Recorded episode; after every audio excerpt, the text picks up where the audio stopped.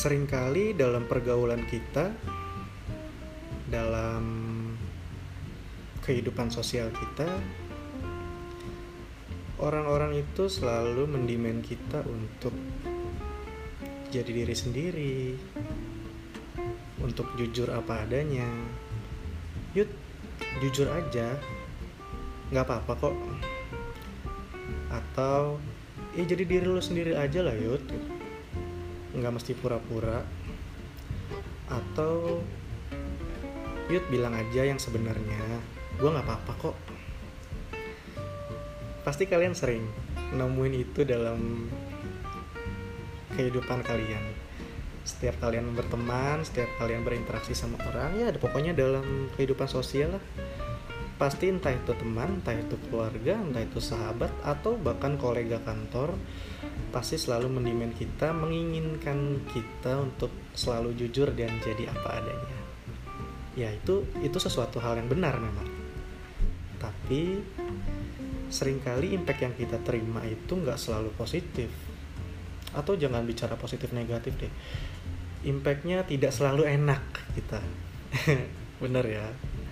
Mungkin ada yang ternyata karena kita jujur mungkin ada yang tersinggung mungkin ada yang marah ada yang benci atau bahkan ada yang bilang Yud lu seharusnya nggak ngomong kayak gitu.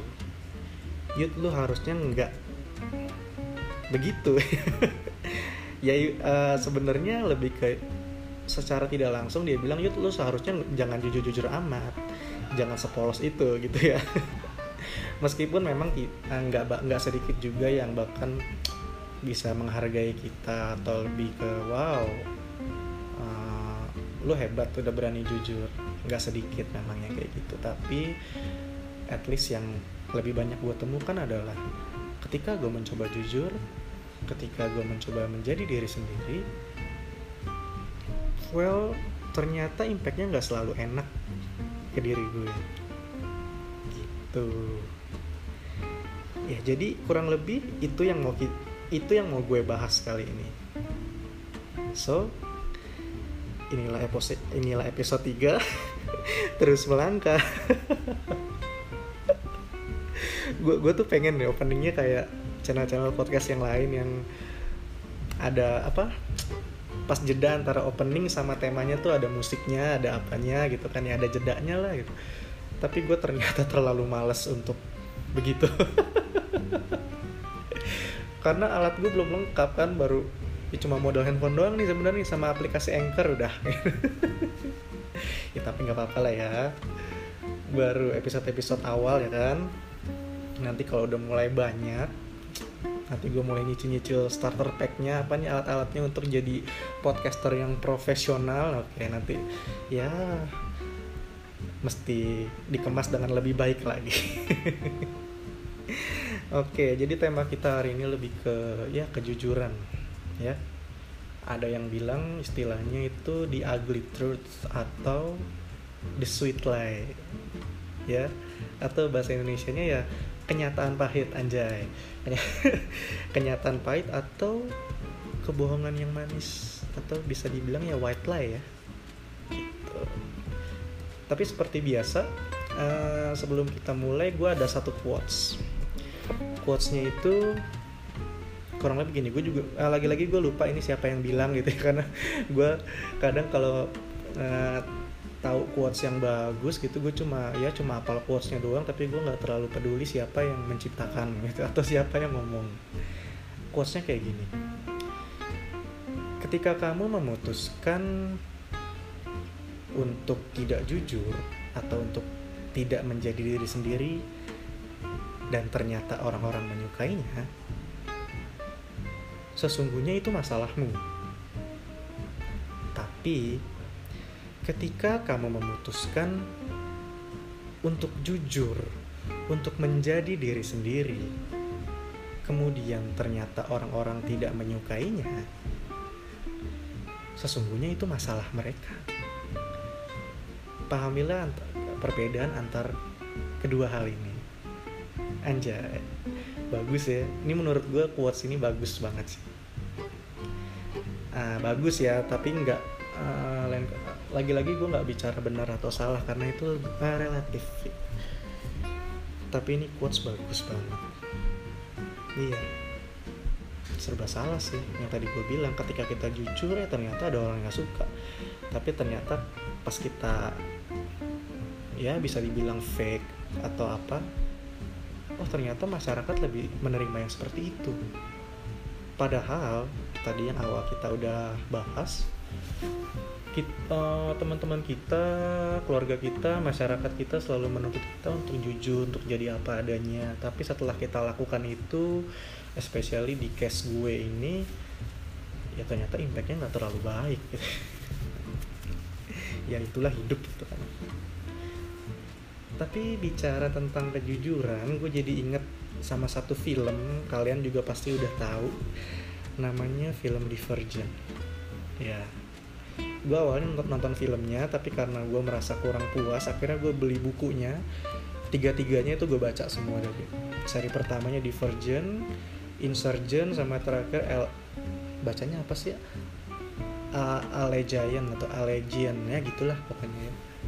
Dan di bukunya ternyata lebih lengkap banget bagus jadi singkat cerita di apa novel itu atau film itu menceritakan tentang masyarakat yang terbagi ke lima faksi atau lima golongan. Yang pertama itu disebutnya erudite. Erudite ini kumpulan orang-orang pinter, disebutnya di intelligent. Itu ya para ilmuwan, pokoknya para guru, pokoknya orang-orang yang haus akan ilmu pengetahuan itu masuk golongan erudite kemudian golongan kedua ada MET MET itu kumpulan orang-orang yang baik hati yang cinta damai yang hidupnya selalu tertawa seolah nggak pernah ada masalah. Pokoknya mereka lebih cenderung menghindari konflik. Pokoknya cinta damai kemudian yang ketiga itu ada yang golongannya namanya dauntless Dauntless itu seperti golongannya para tentara. Mereka berani. Mereka ya tentara gimana sih tegas gitu ya. Pokoknya intinya mereka berani gitu kan ya. Terus yang golongan keempat itu namanya abnegation. Abnegation itu golongan orang-orang yang dermawan yang selalu mengutamakan kepentingan orang lain di atas kepentingan pribadinya. Mereka lebih sering disebut the selfless. Itu abnegation. Nah, yang kelima itu ada faksi atau golongan namanya candor. Candor ini kumpulan orang-orang yang menjunjung tinggi nilai kejujuran. Ya. Menurut mereka kesopanan itu cuma sebuah kebohongan yang dibungkus dengan rapih. Orang-orang kender itu melihat dunia itu ya satu dan nol, hitam putih. Iya tidak. Kalau lu iya ya iya, kalau tidak ya tidak. Mereka sangat benci kan namanya kebohongan. Jadi mau sepahit apa pun itu, mau sejelek apa pun itu, tapi kalau itu adalah kebenaran, itu adalah sebuah kejujuran, ya itu yang harus lo katakan atau itu yang harus lo lakukan? Itu candor gitu. Nah faksi ini ya kurang lebih yang bakal gue uh, sesuai tema kita malam ini lah ya. Iya gue ngerekam ini malam-malam. Soalnya pas pulang kerja. Oke terus terus terus. Tapi dari film dan novel ini gue belajar jadi pendirinya itu berusaha untuk membuat tatanan masyarakat yang baik, tatanan masyarakat yang seimbang, di mana masing-masing masyarakatnya itu punya fungsi, punya andil dalam membentuk masyarakat. Makanya mereka dipisahkan jadi lima golongan sesuai dengan kepribadiannya, sesuai dengan minatnya, gitu. Tapi dari situ ternyata ada satu pelajaran yang dipetik mereka kan akhirnya tokoh jahatnya itu yang erudite ya yang orang-orang pinter itu. Kenapa akhirnya bisa ada konflik? Karena ternyata sesuatu yang berlebihan itu tidak baik. Di situ ceritanya tertulisnya gini ternyata too intelligent then you will lose compassion. Kalau kamu terlalu pintar kalau kamu terlalu logik ternyata akibatnya adalah lu jadi kehilangan rasa kasih sayang lu jadi kehilangan rasa iba. Iya jadinya kayak robot. Kalau lu terlalu mengutamakan kecerdasan. Kemudian kedua yang MIT tadi kan cinta damai baik hati gitu kan ya. Ternyata kalau lu terlalu cinta damai kalau lu terlalu baik hati lu jadi pasif. Iya dong karena orang-orang MIT itu orang-orang yang cinta damai itu paling males yang namanya berdebat jadi ya udahlah iya aja gitu. Pasif jadinya. Terus yang ketiga uh, dauntless dauntless itu the brave ya orang-orang yang berani. Ternyata kalau kita terlalu berani kita jadi kasar. Too brave then you are cruel. Iya kita jadi kasar sama orang. Kemudian yang keempat abnegation. Kalau kita terlalu dermawan kalau kita terlalu mengutamakan kepentingan orang lain di atas segalanya maka lu akan kehilangan jati diri. Lu akan ya jadi nggak mengurus diri lo sendiri karena lo selalu mengutamakan orang lain. Padahal kan segala sesuatu itu harus dimulai dari diri sendiri. Kalau kalian pernah naik pesawat ya di situ kan uh, di safety guide-nya itu yang pramugarinya gitu kan ya pas lagi nunjukin apa step-step keamanannya yang masang masker oksigen gitu. Mereka selalu bilang kalau masker oksigennya keluar utamakanlah pakai dulu untuk diri sendiri kemudian baru menolong orang lain. Itu benar karena kalau kita nggak bisa menolong diri sendiri gimana kita bisa menolong orang? Atau ibaratnya lo nggak bisa menuangkan air dari dari gelas yang kosong temen lo gelasnya kosong nih. Lo mau bagi air ke dia tapi lo gelas lo sendiri kosong kan nggak bisa. Lo harus isi gelas lo sendiri baru lo men, baru bisa menuangkan ke gelas yang lain. Ya. Terus yang keempat eh yang kelima yang terakhir yang candor tadi ternyata kalau dia juga menunjuki kejujuran. Kurang lebih sama kayak yang downless tadi sih.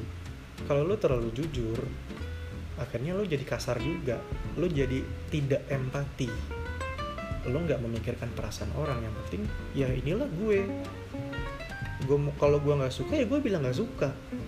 Kalau gue nggak mau ya gue nggak mau. Jadi akhirnya kalau kita terlalu jujur outputnya kita jadi self selfish. Ya selfish ya. Jadi egois ya nggak sih? Iya dong kita mau ngat, uh, ngomong apa aja yang kita suka kita nggak mau peduli orang lain terima atau enggak. Itu kan namanya egois. Iya kan? Nggak gue nggak minta jawab iya enggak enggak ya tapi menurut gue ya, ya itu masuk akal sih. Damn buku ini bagus banget lu mesti baca atau at least lu nonton filmnya deh. Divergent namanya gitu. Nah kaitannya apa sama cerita gue kali ini ya ternyata bohong itu nggak selamanya salah menurut gue ya. Karena kita hidup itu tidak sendiri. Kita kita manusia itu makhluk sosial. Kita bergaul kita beradaptasi dan masing-masing orang itu kepribadiannya beda latar belakangnya beda. Even anak kembar pun itu nggak sama. Orang anak yang kembar identik itu pun mereka nggak sama. Kita semua diciptain itu berbeda-beda. Jadi setiap hal yang kita lakukan atau hal yang mau kita bicarakan kita harus mikir ini impactnya bagaimana? Apakah impactnya ke orang lain gimana atau impactnya ke diri sendiri itu seperti apa?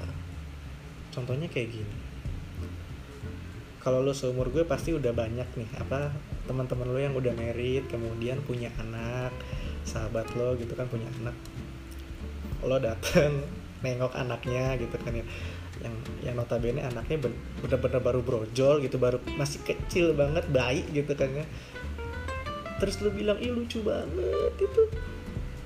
Ih gemes banget ini. Padahal ya padahal kan ya ya enggak gue nggak bilang jelek atau gimana ya tapi yang namanya bayi baru lahir sumpah itu cakep atau lucunya tuh belum kelihatan. Iyalah matanya aja kadang belum melek terus kadang palanya kecil banget merah gitu. Terus gemesnya cakepnya imutnya itu di mana gitu kan? Ayo jujur ya jujur ya pasti lu mikir kayak gitu. Tapi karena kita menghargai temen kita itu yang udah berjuang melahirkan berjuang udah berjuang mengandung 9 bulan yang itu tidak gampang. Akhirnya kita bilang kan iya anaknya lucu ih gemes gitu kan. Nah kalau kayak gitu tuh namanya bohong atau bukan? Bohong ya? Ada yang bilang itu namanya white lie gitu kan. kebohongan putih. Iya padahal katanya sih orang-orang pengennya ya lu ya be yourself yud. Jujur aja gue nggak apa-apa kok. Tapi ketika lo kayak tadi lo nengok temen lo yang baru lahiran terus lo bilang ih bayinya kecil banget. Ih kok belum melek bayinya? Ih kok merah banget? Apa nggak marah temen lo itu? Gitu. Anjir gue udah capek-capek ngelahirin udah capek-capek ngandung terus lo bilang anak gue jelek. gitu iya pasti nggak enak kan? Pasti lo di situ ada perasaan ya gue nggak boleh kayak gitu. Makanya kita bilang lah anaknya lucu anaknya cakep. Nah iya agak agak ribet ya. Jadi kembali lagi kalau menurut gue baik jujur ataupun bohong itu nggak ada yang salah dan nggak ada yang benar. Tapi tergantung lagi tujuannya untuk apa gitu. kalau bicara benar dan salah ya berarti kita uh, lihat lagi tujuannya apa. Kalau tujuannya untuk kepentingan pribadi atau keuntungan pribadi kemudian lu bohong ya itu jelas salah sih. Ya. Tapi kalau tujuannya adalah ya untuk memanusiakan manusia untuk menjaga perasaan sahabat lu ya why not? Ya gak sih? Gue nggak mau bicara dosa atau enggak ya. Uh, gue orangnya nggak terlalu religius juga. Sih uh, gue coba mencoba realistis saja gue lebih ke ya tujuannya apa? Lo mau jujur mau lo bohong itu kan tujuannya apa? Karena kita hidup kan tidak sendiri. Kita mesti tahu apa yang kita lakukan apa yang kita katakan efek keluarnya bagaimana efek ke dalamnya kayak gimana? Gitu. Nah yang gue alami sekarang adalah kayak masuk ke case gue ya. Ini kejadian setelah ya baru-baru ini sih kejadian di ya di kantor gitu. Udah kalau teman-teman kantor yang dengerin tahu nih siapa nih. Tapi ya udahlah gue gue di sini nggak nggak bermaksud uh, cari pembenaran atau menjelekan orang nggak gue cuma pengen uh, berbagi ternyata dari hal sepele yang gue alami di kantor masalah kejujuran ini yang impactnya tidak enak ke gue. Oh ternyata ada pelajaran yang berharga yang bisa kita ambil dan gue mau bagiin itu semua ke lo. Gitu ya.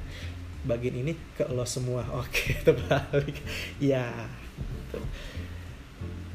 Jadi singkat cerita uh, gue ada jatuh cinta sama dua orang di kantor. Ya awalnya suka. Kenapa bisa gue bilang jatuh cinta ya? Seperti episode sebelumnya yang gue bahas menurut gue jatuh cinta adalah ketika lo melihat dia nggak cuma tertarik secara fisik nggak cuma nafsu tapi tapi lu pengen terus sama dia gitu. Lu pengen nyenengin dia. Lu sama dia udah nggak perhitungan terutama tentang duit gitu kan ya. Ya lu bawahnya pengen nyenengin dia aja. Dan itu terjadi sama gue kedua orang ini.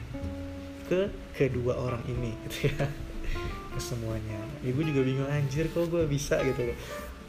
Jatuh cinta sama dua orang sekaligus gitu makin ke sini gue makin ngerti sih ada orang yang ya menghalalkan poligami gitu no no no, no. gue gak ngomongin agama yang enggak enggak enggak, enggak.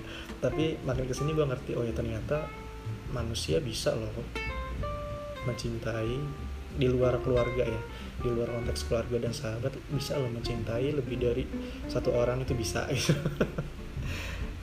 which is ya itu terjadi sama gue sekarang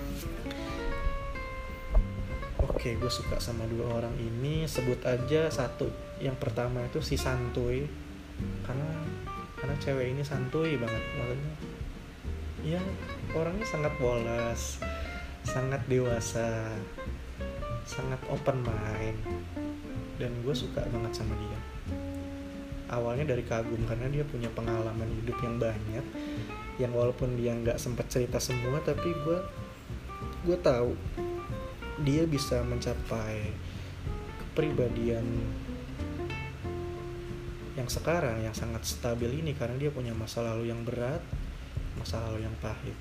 Dan gue sangat appreciate dia akhirnya bisa jadi tumbuh menjadi pribadi yang seperti ini yang sangat santuy sangat oke okay banget loh orangnya supel gitu kan. Gitu. Ini si santuy. Kemudian yang kedua itu sebut aja si polos iya polos dia tuh lebih muda dari gue dan dan gue sangat gue tidak biasanya tertarik sama orang yang lebih muda. Bisa dibilang fetish gue lebih sama yang lebih tua gitu. Iya gue lebih suka tertarik sama yang lebih tua biasanya. Tapi sama satu orang ini iya dia lumayan jauh. Tiga tahun atau empat tahun? Ya empat tiga empat tahun di belakang gue dan oh ya orangnya polos gue nggak tahu dia pura-pura polos atau gimana tapi ya ya dia polos deh kekanak-kanakan juga enggak tapi lucu gitu apa agak-agak lemot. Ya gue nggak tahu lemotnya itu lemotnya itu dibuat-buat atau gimana gitu. Tapi makin ke sini gue makin tahu ya emang dia begitu sih. Tapi ada kemungkinan juga dia tahu pembawaan dia itu udah terbiasa polos udah terbiasa lemot. Kemudian dia memanfaatkan itu untuk bersosialisasi untuk menjadi trademark dirinya ya ya itulah gue. Gue adalah orang yang polos dan lemot. Nah mungkin kayak gitu. Tapi itu mbak baru hipotesis gue aja ya. Iya gue suka sama kedua orang ini. Dan kita bertiga deket. Deket banget. Eh, kita makan siang bareng kita ya kita jalan-jalan bareng kita bercanda bareng. Pokoknya udah deket banget. Damn, gue kok bisa ya suka sama dua orang sekali? Gue gue masih sih nggak habis pikir. Oke. Okay. so singkat cerita gue mulai agak galau. Maksudnya gue mulai nggak nyaman anjir nih. Perasaan apa kayak gini gitu ya gue jadi bingung sendiri jadi gue di posisi yang nggak bisa milih. Ya gue sih nggak tahu ya mereka nggak gue uh, di sini case nya gue belum tahu mereka suka atau suka sama gue juga atau enggak tapi yang jelas kita sangat akrab. Terus hmm, sama yang pertama ini sama si eh sama yang si polos ini ya sama deket deket banget. Kita kadang suka melakukan aktivitas yang romantis berdua. Gue kan masih cerita ngapain ya gitu.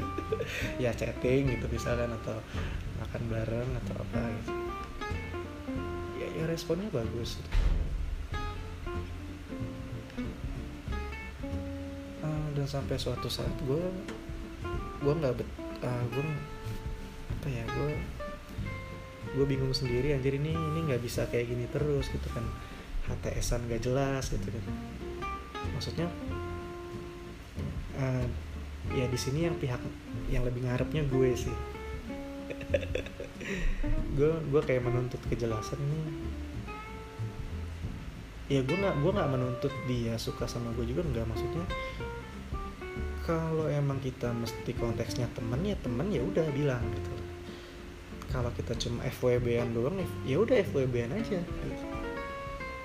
Tapi di sini gue bingung kadang dia sangat sweet. Kita udah kayak orang pacaran gitu kan ya.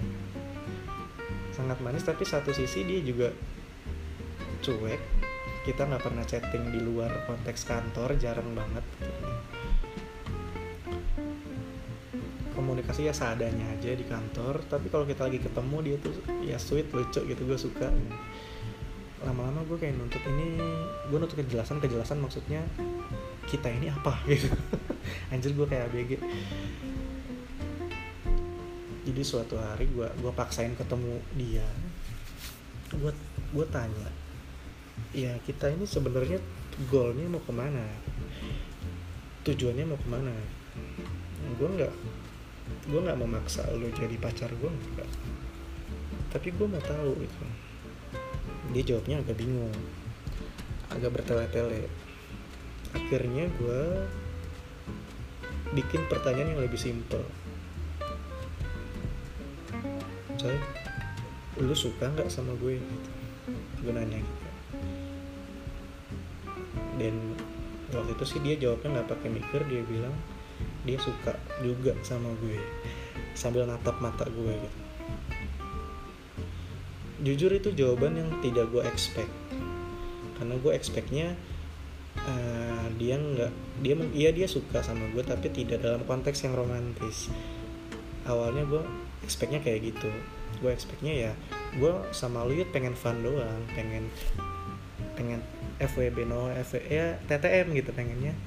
Ya gue udah siap dengan jawaban itu gitu. gue nggak mengharapkan penerimaan sebenarnya tapi dia jawab dia suka sama gue gue agak ya nggak dibilang senang juga enggak dibilang sedih juga enggak tapi tidak expect aja ternyata oh lu suka sama gue. Tapi di situ dia juga bilang dia nggak bi apa ya gue lupa nggak bisa atau nggak mau ya. Kayaknya intinya dia tidak mau komitmen. Nggak mau menjalin komitmen. Gue tanya dong lu udah punya pacar? Dia bilang belum tapi makin ke sini akhirnya gue tahu dia udah punya pacar gitu. so gue gak ada masalah sama itu gak ada masalah gue nggak cemburu nggak sakit hati nggak biasa aja dan akhirnya kita sekarang jadi kayak ya adik kakak sih tetap temenan tetap akrab gitu. nggak ada selek sama sekali nggak ada ya jujur kadang gue masih suka kepo masih cemburu ada. Tapi udah lebih kontrol itu nggak mengganggu pikiran gue kayak kemarin-kemarin gitu. Mikirin dia mulu. Kok sekarang nggak biasa aja? Karena gue udah tahu jawabannya gitu. Dan ternyata dari sini ya pelajaran yang gue petik oh ternyata dia bohong. Bohong dalam arti dia bilang suka sama gue dalam kan gue tegasin ya lo suka sama gue sebagai teman atau suka dalam konteks yang romantis? Dia jawab dia suka sama gue dalam konteks yang romantis tapi belum siap dan belum mau untuk komitmen. Tuh. ternyata ketahuan dong dia bohong. Ya hmm, I don't know. Bohongnya itu yang masalah pacar ya dia bohong tapi untuk masalah yang suka ini gue juga walaupun tidak secara lisan dia bilang tapi gue rasa dia sih tidak suka sama gue dalam konteks yang romantis. Apakah gue marah gue kecewa? Enggak gue nggak kecewa. Justru di situ gue mendapat pembenaran masalah kejujuran tadi. Oh ternyata dia sedang melakukan yang namanya white lie. Karena dia menjaga perasaan gue. Dia tetap mau temenan sama gue dia mau tetap deket tapi dia nggak mau membuat gue terluka. Makanya dia bilang dia suka sama gue. Apakah ya ini nggak salah nggak benar tapi gue sangat menghargai uh, in, intentionnya dia yang dia memikirkan orang lain. Gitu. dia menjaga perasaan orang. Itu gue yang itu yang bikin gue appreciate sama dia jadi sama si polos ini ya sampai sekarang biasa-biasa aja. Kita masih ya masih ya deket lah gitu. Pokoknya intinya gue sama dia nggak ada masalah. Nah lanjut lagi sama ke si Santuy ini.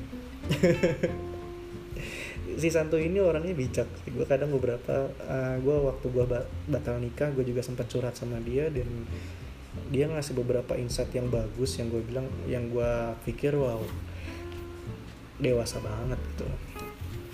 Dewasa banget keren gitu. Dia keren banget. Karena ya dia pu uh, punya banyak pengalaman juga tentang percintaan jadi dia bisa kasih insight sebagus itu itu oke okay banget sih. Dan yang gue suka dari dia adalah ketika dia lagi down ketika dia lagi ya patah hati atau lagi lagi bete pelariannya itu positif ya lucu dia, dia kadang dia bikin dia bikin kegiatan baru gitu. Dia pengen bikin podcast dia pengen dia upload foto atau dia bikin acara sendiri. Di sosmed kayak gitu deh pokoknya. Itu sumpah kreatif banget sih tuh anak. Keren ya. Makanya gue seneng banget sahabatan sama dia. Sampai akhirnya gue suka sama dia. Nah jadi case nya ini kayak ya kurang lebih kayak film 5 cm barusan banget gue habis nonton yang kesekian kalinya gitu. Uh, gue gue gue pengen banget menyatakan perasaan ke dia tapi satu sisi gue juga hmm, ya gue nggak gue mengantisipasi dia jadi ilfil gitu kan. Gue nggak mau kehilangan teman dan sahabat sebaik dia gitu. Karena dia figur yang sangat dewasa. Buat gue oke okay banget sih tapi lama-lama gue agak capek juga sih mendem ini gitu. Iyalah tiap hari ketemu gitu kan ya. Mesti pura-pura biasa aja gitu. tapi sekali lagi gue nggak mengharapkan penerimaan. Tapi gue nggak ada belum ada niatan sih belum ada niatan pengen menyatakan langsung nggak ada. Ini terjadi nggak sengaja. Jadi saat itu gue sama temen-temen sama dia juga kita ngumpul kita ya kita minum. Dan ya gue akuin saat itu gue agak sedikit hangover agak sedikit mabuk gitu kan ya. Keceplosan lah gue bilang sama dia ketika udah pulang ketika tinggal berduaan. Ya kalau ternyata gue bilang gue suka sama dia. Dan dia kan orangnya santuy ya. Maksudnya santuy dia sama sama semua cowok suka bercanda suka flirting. Gue bilang saat itu adalah gue suka sama lo dan uh, eh, gue cemburu ngeliat lo suka flirting sama cowok lain ya. itu gue ngomongnya by WhatsApp anjir gitu. Gue nggak tahu itu gue lagi setengah sadar tiba-tiba gue megang handphone dan gue ngechat dia kayak gitu. Awalnya dia cuma balas kayak ketawa ah itu iya lagi mabuk nih gue balas lagi gue serius. So di situ dia cuma balas emot senyum dan setelah itu gue didiemin sama dia. Sampai hari ini. Udah hampir hampir tiga mingguan kali ya. Udah hampir sebulan. Dia ngediemin DM maksudnya? Gue udah uh, eh, gue gue merasa bersalah. Gue udah temuin dia. Gue udah say sorry. Sorry ya gitu gue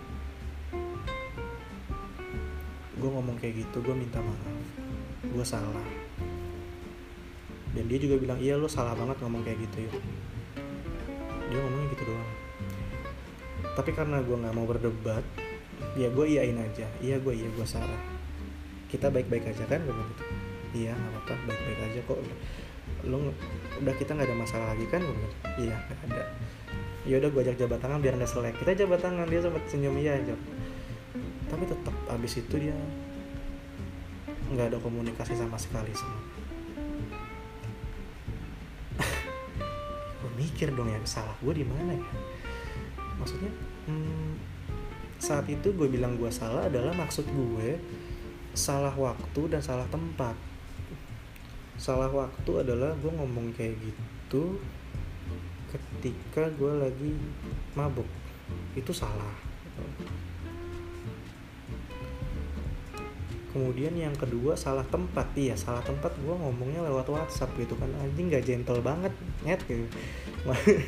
Nyatain perasaan lewat WhatsApp itu ABG banget gitu. Jujur ya itu menurut gue gue salah di dua hal itu. Tapi gue nggak pernah gue belum sempet nanya ke dia salahnya gue versi lo itu apa gitu. Apakah gue salah karena gue jujur is it wrong for being honest? Ya? Bingung gak sih lu? Maksudnya ya gue nggak mendimen apa-apa gitu. Gue cuma menyatakan perasaan. Gue tidak menjawab lu mau jadi pacar gue atau enggak? Atau gue memaksa lu mau jadi pacar gue atau enggak? Gitu. Kan enggak. Gue cuma bilang ya gue suka sama lu. That's it. Gue nggak meminta jawaban gue udah sempat bilang itu ke dia. Ya, dia jawabnya ya lu lu tahu lah jawabannya apa. Dia nggak bilang jawabannya apa tapi dari situ jelas itu it's a no gitu. Dia nggak ada intent untuk ke situ ya. Ya it's okay. Gue pun nggak meminta jawaban iya gitu. Lu jawab enggak pun nggak masalah buat karena gue kan cuma bilang gue suka sama lu. Kalau lu nggak suka sama gue lu bilang ya thank you ya Yud. Uh, lu udah suka sama gue tapi gue tidak merasakan hal yang sama. Gue nyaman sama lo ya jadi temen. Nah kalau ngomong gitu kan enak ya nggak sih? Sekarang dia benar-benar lost contact sama gue. Kita uh, apa uh, apa sih istilahnya kalau ketemu di kantor ber apa sih? Ya kalau ketemu gitu jalan brek gitu. Dia ngeliat gue aja enggak gitu anjir. Kayaknya gue punya kayak punya dosa berat banget sama dia padahal gue nggak ngapa-ngapain dia gitu. Swear gue sama dia nggak pernah apa-apain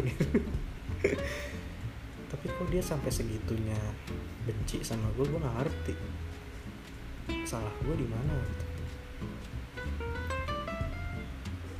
tapi balik lagi seperti ada quotes seorang bijak yang kemarin gue lupa dari siapa dari Imam Syafi'i. Imam Syafi'i dia bilang gini kan e, kamu tidak perlu menjelaskan tentang dirimu kepada siapa pun.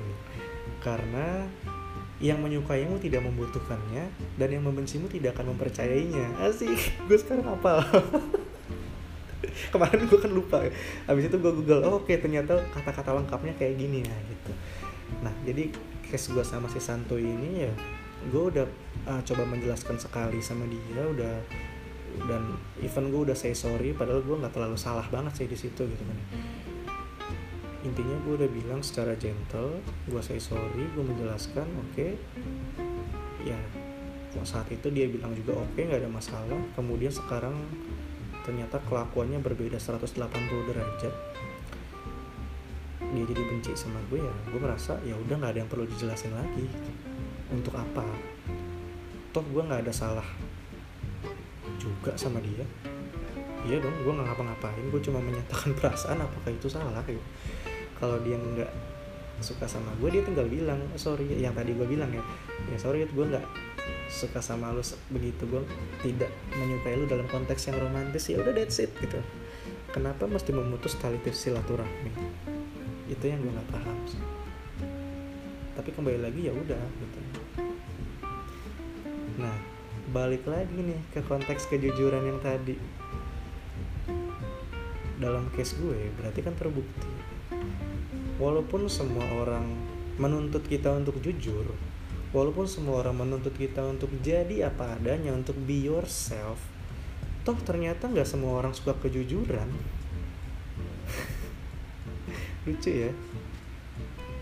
Iya contohnya ya gue tadi gue berusaha being honest gue berusaha jujur tapi ternyata impact yang gue dapat adalah gue justru dibenci gitu. Ya gitu. Ternyata ya itulah faktanya. Tidak semua orang butuh atau tidak semua orang ternyata bisa menerima kejujuran gak semua orang bisa. So tergantung tujuannya seperti apa but but but tapi tapi tapi. Tapi apa pun impactnya itu kejujuran punya satu dampak yang positif terhadap diri lo terhadap diri kita yang berusaha jujur adalah oh ya yang tadi faksi kendor golongan kendor dia punya manifesto kayak gini. Let the truth set you free. Ternyata yang benar. Ketika kita berusaha jujur ketika kita menjadi jujur itu ada uh, saat itu adalah kita merasakan kita mendapatkan kebebasan. Kita kayak membuang semua beban kita membuang semua unek-unek ketika kita berkata jujur atau kita berlaku jujur. Di saat yang sama kita melepas semua beban.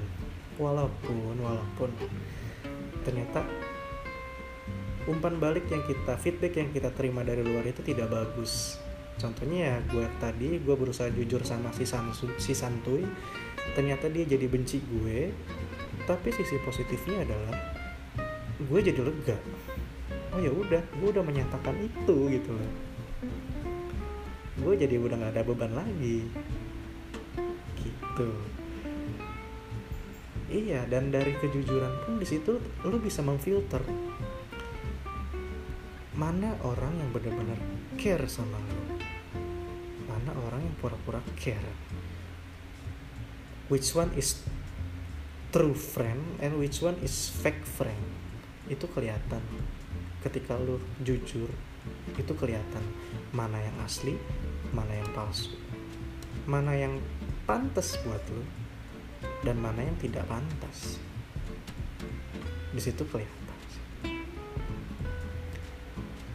tapi balik lagi itu tergantung dengan kesiapan diri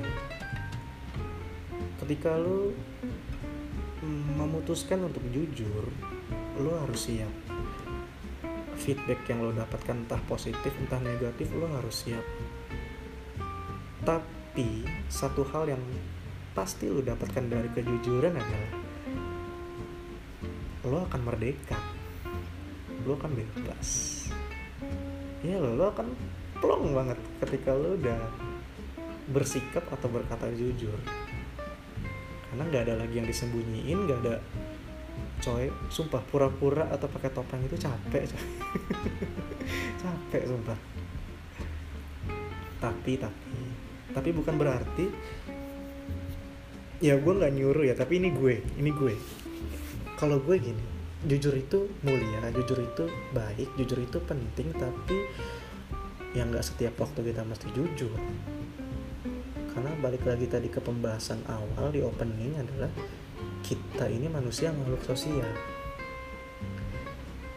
Kita mesti berempati sama orang lain. Kita harus memikirkan apa yang kita katakan apa yang kita lakukan dampaknya apa kepada orang lain? Dampak keluarnya seperti apa dampak ke dalamnya seperti apa jadi kalau buat gue sih sesekali bohong gak apa-apa kalau memang tujuannya baik ya maksudnya baik tadi. Tujuannya untuk menjaga perasaan orang untuk meminimalisir konflik atau untuk menunda menunda konflik. Maksudnya gini ketika lu ber lagi uh, ngobrol sama orang yang lagi emosi gitu kan ya. Kalau lu tanggepin misalkan dia lagi patah hati lagi emosional banget padahal lo tahu nih dia yang salah nih misalnya tapi dia curhat sama lo tuh. Terus dia bilang yuk gue salah nggak kalau kayak gitu? Jujurnya sih sebenarnya iya lo salah. Tapi kan nggak mungkin lo bilang saat itu juga. Karena kondisi dia sedang emosional. Orang yang lagi emosional itu berarti udah mental block. Dia tidak butuh saat itu tidak butuh nasihat sebenarnya. Dia satu cuma butuh didengarkan dua dia cuma butuh afirmasi supaya dia merasa tenang. So kalau gue menghadapi kondisi seperti itu mau nggak mau gue di awal gue harus bohong dulu. Enggak lo nggak salah kok. Tujuannya apa? Tujuannya ya gue menjaga perasaan dia. Gue berempati sama dia yang sedang emosi. Nggak mungkin kalau gue langsung iya lu salah. Lu harusnya nggak kayak gitu. Uh. egois banget gue kasar gue di situ. Dan ini juga sering terjadi sama orang tua. Kita, ketika uh, sikap kita sama orang tua sama keluarga. Ketika kita dinasihati ketika kita diomelin atau kita di dikasih wejangan mungkin nggak semuanya wejangan orang tua kita setuju ya nggak sih? Kadang ada yang nasihat orang tua yang gak sesuai dengan kita. Tapi karena kita menghormati dia sebagai orang yang lebih tua sebagai papa kita sebagai mama kita atau sebagai kakak kita. Di situ kita ya mau nggak mau kita bilang iya. Iya gitu kan. Kita mengafirmasi. Ya kita bohong sebenarnya. Tapi kan kita melakukan itu untuk tujuan yang bisa dibilang baik. Kita menghormati mereka sebagai senior. Begitu juga di kantor. Ketika kita lagi dikasih kerjaan sama atasan ketika kita lagi meeting atau kita lagi brainstorming kita lagi menyampaikan ide. Kemudian ada atasan kita menyampaikan ide atau mengkomentari ide kita di dalam hal yang kita nggak suka. Tapi kan kita nggak bisa serta merta saat itu dibantah. Ya nggak sih? Kita pasti ngelihat dulu nih tipe bos ini bisa ditolak bisa mendengar kata tidak atau enggak kita menjaga perasaan loh. Seringkali pasti kita bilang iya. Ya kita nurut dulu apa yang dia bilang. Kemudian baru ntar pelan-pelan kita kasih tahu lagi. Oh ya.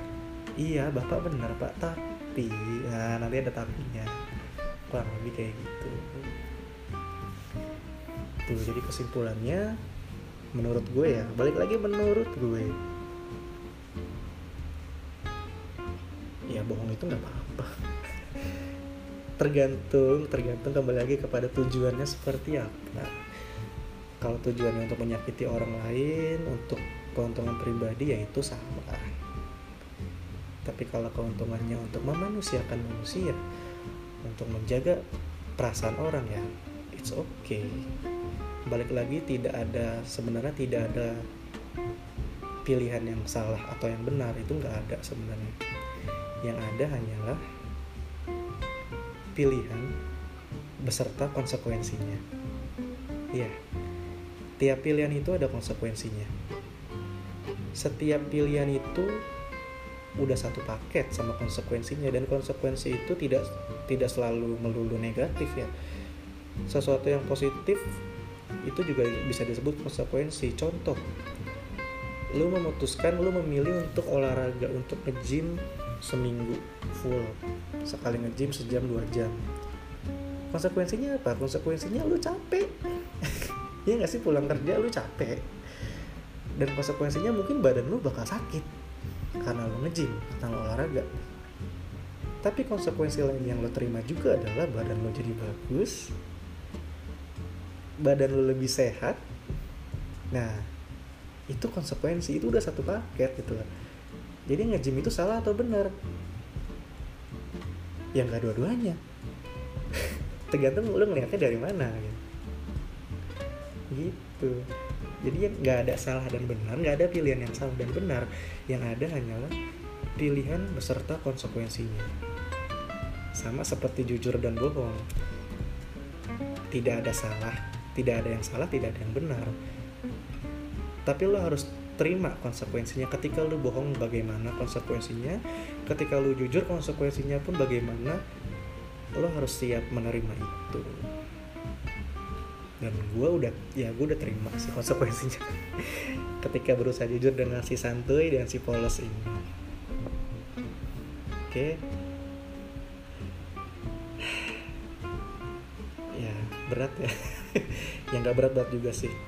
Santai aja cuma satu hal yang mesti diingat ya. Entah lu mau bohong entah lu mau jujur entah feedback yang lo terima itu negatif atau positif.